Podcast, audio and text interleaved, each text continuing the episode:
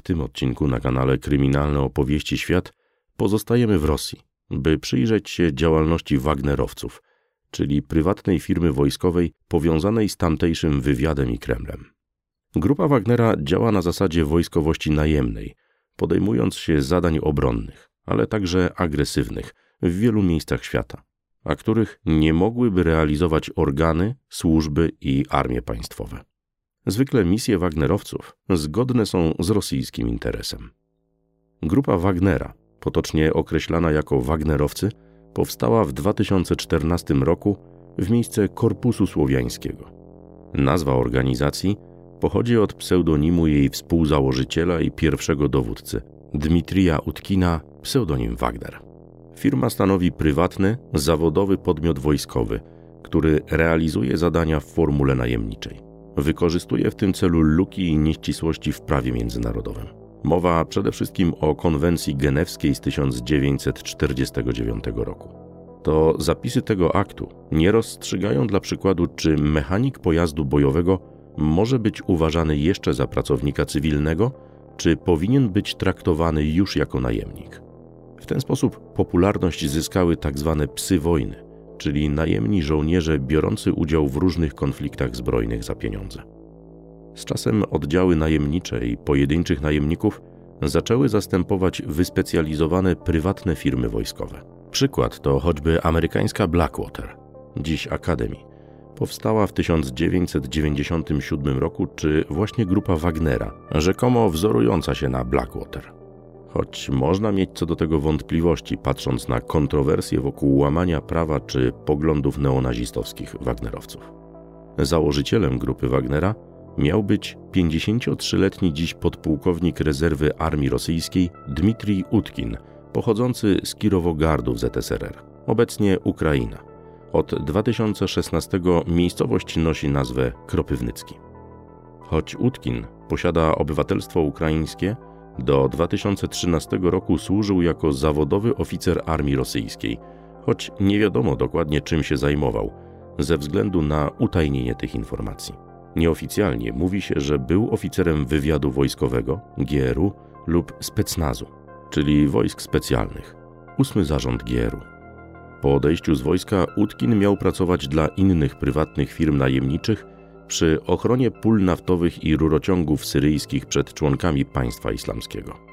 Na bazie tamtejszych doświadczeń postanowił w 2014 roku założyć własną firmę grupę Wagnera. Po raz pierwszy wystąpiła ona pod tą nazwą podczas realizacji działań na polecenie Kremla w obwodzie ługańskim na Ukrainie.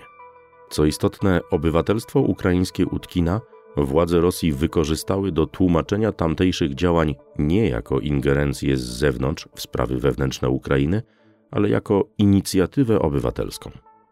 Do zadań grupy Wagnera należy prowadzenie działań obronnych, defensywnych oraz agresywnych, czyli ofensywnych. W tym pierwszym przypadku mowa m.in. o ochronie nieformalnych i formalnych organizacji polityczno-rządowych lub gospodarczych – np. we wspomnianej już Syrii czy Afryce. W drugim obszarze to siłowe przejmowanie i utrzymywanie terytoriów na zlecenie, nawet jeśli społeczność międzynarodowa uważa takie działania za niezgodne z prawem. Ponadto Wagnerowcy dysponują własnymi instruktorami wojskowymi, prowadzą szkolenia, organizują zewnętrzne struktury militarne, a także dostawy broni. Członkowie grupy Wagnera to w zdecydowanej większości byli żołnierze rosyjskiej armii po przejściu w stan spoczynku. W firmie posługują się oni takimi samymi stopniami jak w wojsku zawodowym. Siedziba grupy Wagnera i ośrodek szkoleniowy znajdują się w miejscowości Molkino w kraju krasnodarskim na terenie poligonu 10 Brygady Specnazu GRU. Oficjalnie to obszar należący do Armii Federacji Rosyjskiej, strzeżony z zewnątrz przez żołnierzy – Dlatego w dokumentach siedzibę określa się jako obóz pionierski. Dla najemników przeznaczono trzypiętrowe koszary i budynek szkoleniowy oraz zbrojownię. Postawiono tam także pomnik poległych Wagnerowców. Inwestycje realizowała firma Megaline i powiązane z Utkinem oraz Kremlem osoby trzecie. Obecnie rolę dowódcy i prezesa grupy Wagnera pełni Jewgenij Prigorzyn, co potwierdzają nie tylko jego wystąpienia medialne w kontekście działań na Ukrainie, ale także fakt, że nowi najemnicy oficjalnie zawierają kontrakty nie z grupą Wagnera, a z firmami związanymi z Prigorzynem. Co ciekawe, on sam zasłynął jako kucharz Putina, bo gdy w 1996 roku założył firmę Concord Catering i wszedł w biznes restauracyjny, szybko dorobił się na obsłudze zamówień publicznych, m.in. dostaw żywności dla szkół, wojska czy organizacji bankietów.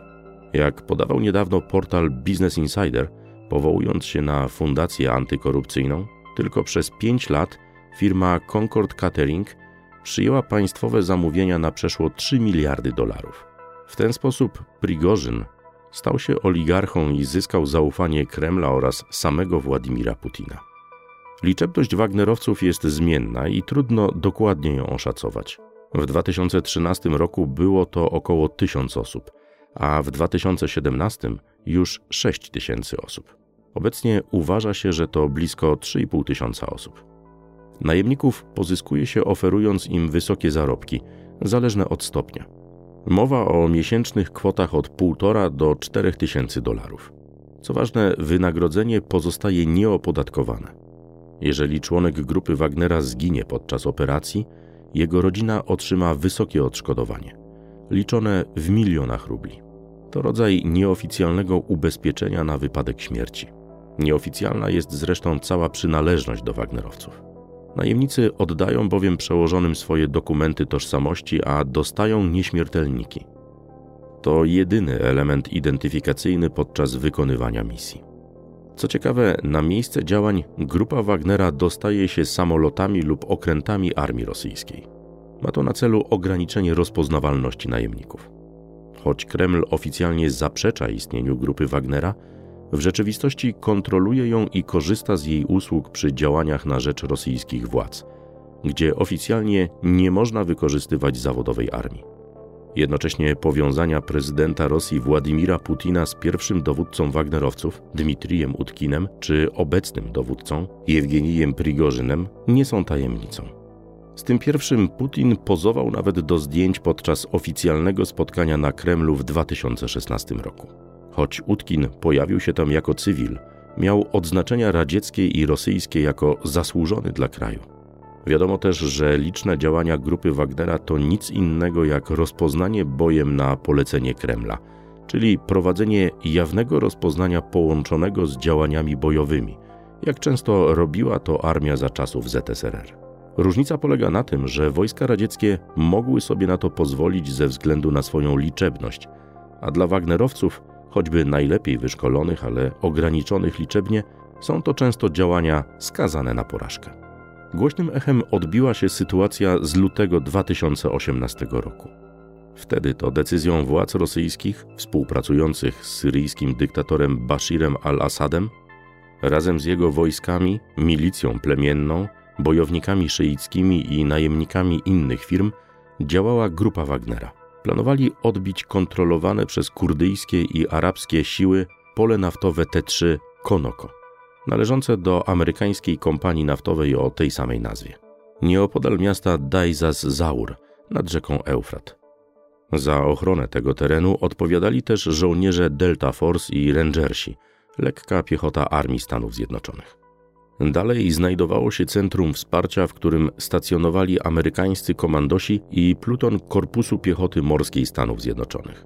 Wywiad USA już tydzień przed eskalacją obserwował gromadzenie się w tym rejonie sił rosyjsko-syryjskich i kilkukrotnie wzywał je do wycofania się, jednocześnie przygotowując się do ewentualnej reakcji na atak.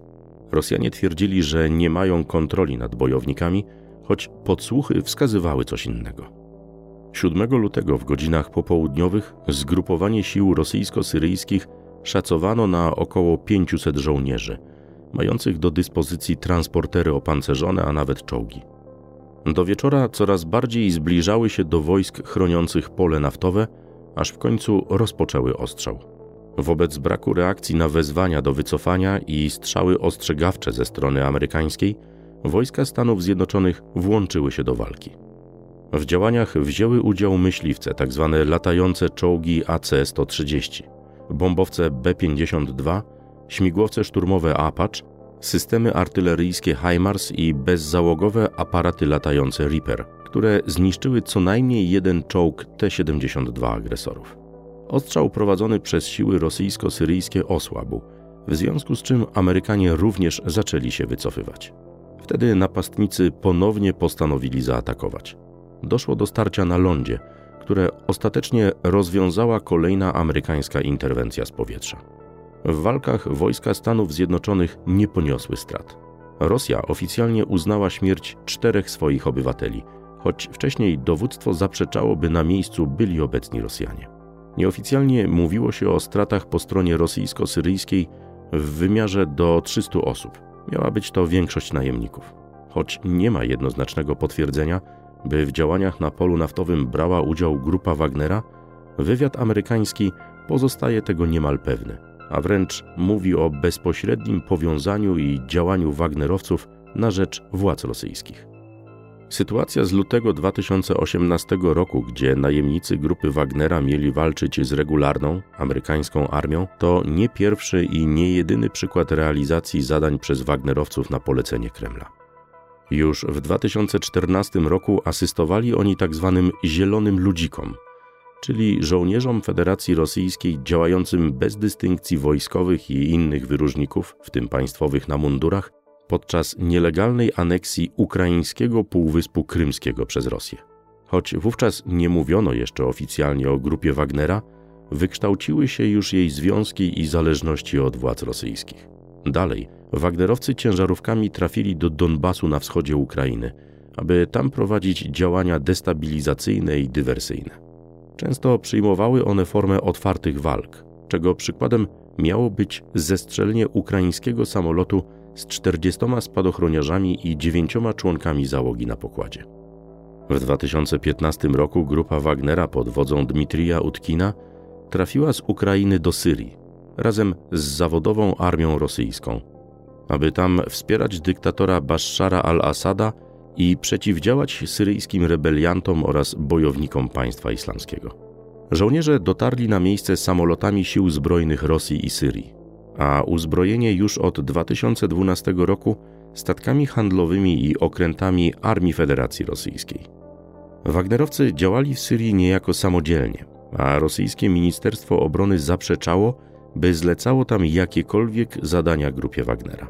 Nieoficjalnie uważa się jednak, że w Syrii znalazło się około 5 tysięcy najemników, wśród których znalazło się wielu Czeczenów. Wykorzystując niezależność od armii rosyjskiej, Zaczęli oni stosować agresję, bezwzględne tortury, a także dokonywać zabójstw.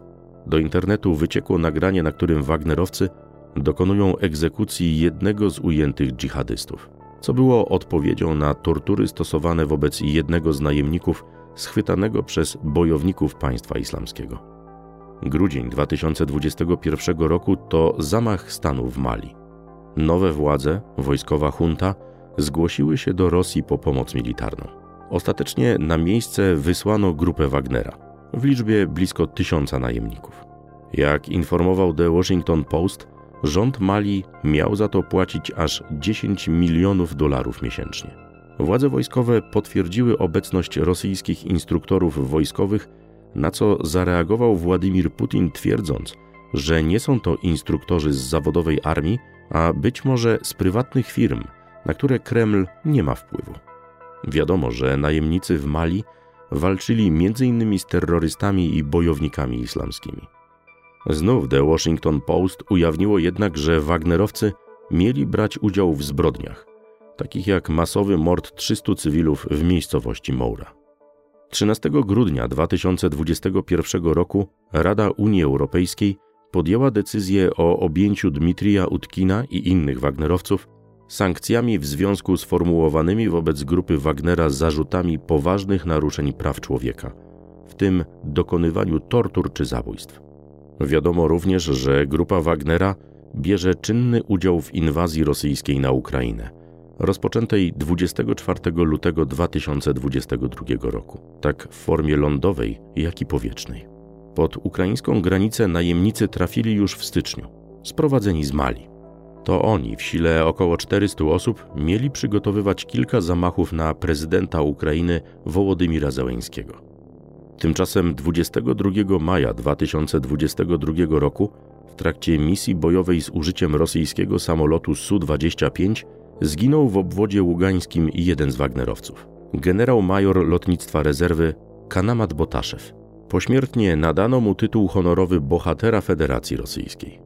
Jesienią 2022 roku Instytut Studiów nad Wojną doniósł, że dowódca grupy Wagnera, Jewgenij Prigorzyn, werbował na wojnę z Ukrainą więźniów kolonii karnych, co udokumentowali współpracownicy odbywającego karę rosyjskiego opozycjonisty Aleksija Nawalnego. Prigorzyn, czy jak twierdzi służba prasowa Concord, mężczyzna podobny do niego, powiedział na nagraniu: Albo Wagnerowcy i więźniowie, albo wasze dzieci. Zdecydujcie sami. Dowódca Wagnerowców miał otwarcie skrytykować działania armii rosyjskiej na Ukrainie i ministra obrony Siergieja Szojgu. Proponował wysłanie na front wszystkich głównodowodzących.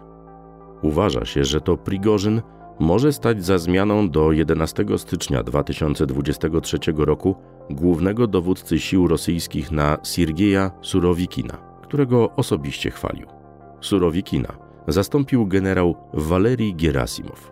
23 listopada 2022 roku Parlament Europejski oficjalnie uznał Rosję za państwo sponsorujące terroryzm. Rozważano też umieszczenie grupy Wagnera na liście organizacji terrorystycznych. Służba prasowa Concord zapowiedziała odpowiedź za pośrednictwem Cyberfront Z.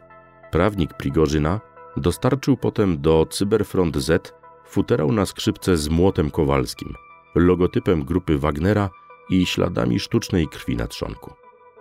9 lutego 2023 roku Jewgenij Prigorzyn poinformował o zaprzestaniu rekrutacji najemników z kolonii karnych wobec sprzeciwu dowództwa rosyjskich wojsk. Potwierdził to Instytut Studiów nad Wojną. Pod koniec marca 2023 roku Prigorzyn zaczął podważać wersję Kremla o neonazistach na Ukrainie, pogłębiając konflikt z Kremlem. W związku z tym pojawiły się doniesienia, że Wagnerowcy zostaną wycofani z Ukrainy po zakończeniu walk o Bachmut i przemieszczeni do działań w Afryce. Do tego celu rozpoczęto już rekrutację najemników. Misja miałaby potrwać od 9 do 14 miesięcy. Na początku kwietnia 2023 roku w kawiarni Street Food Bar w Petersburgu, która niegdyś należała do Prigorzyna, doszło do eksplozji. W jej wyniku zginął jeden z najbardziej znanych rosyjskich blogerów wojennych, Władlen Tatarski. Wiadomo, że prowadził on w lokalu spotkanie na temat pracy korespondentów wojennych. W pewnym momencie otrzymał od kobiety samotnie przebywającej w kawiarni gipsowe popiersie przedstawiające jego samego. To w nim miał znajdować się ładunek wybuchowy. Strona rosyjska odpowiedzialnością za zdarzenie obarcza ukraińskie siły specjalne współpracujące z Fundacją Walki z Korupcją opozycjonisty Aleksija Nawalnego. Nie wierzy w to już nawet sam Prigorzyn. Według ekspertów zamach mógł być ostrzeżeniem dla niego skierowanym prosto z Kremla. Do sprawy zatrzymano Darię Trepową, rocznik 1997, uczestniczkę ruchów feministycznych, która pracowała w sklepie z odzieżą. Potem przeprowadziła się do Moskwy, ale wróciła do Petersburga dzień przed atakiem. W ubiegłym roku trafiła na 10 dni do aresztu za udział w wiecu przeciwko wojnie na Ukrainie. Jej mąż jest zaangażowany politycznie. Należy do libertariańskiej partii Rosji. W chwili zamachu nie było go jednak w kraju. Wiadomo, że w wybuchu ranne zostały 32 osoby. Stan sześciu z nich określa się jako ciężki. To wszystko na dzisiaj. Jeśli zainteresował Was ten odcinek serii Kryminalne opowieści świat o tzw. Tak grupie Wagnera, zachęcamy do oglądania kolejnych wydań tego cyklu.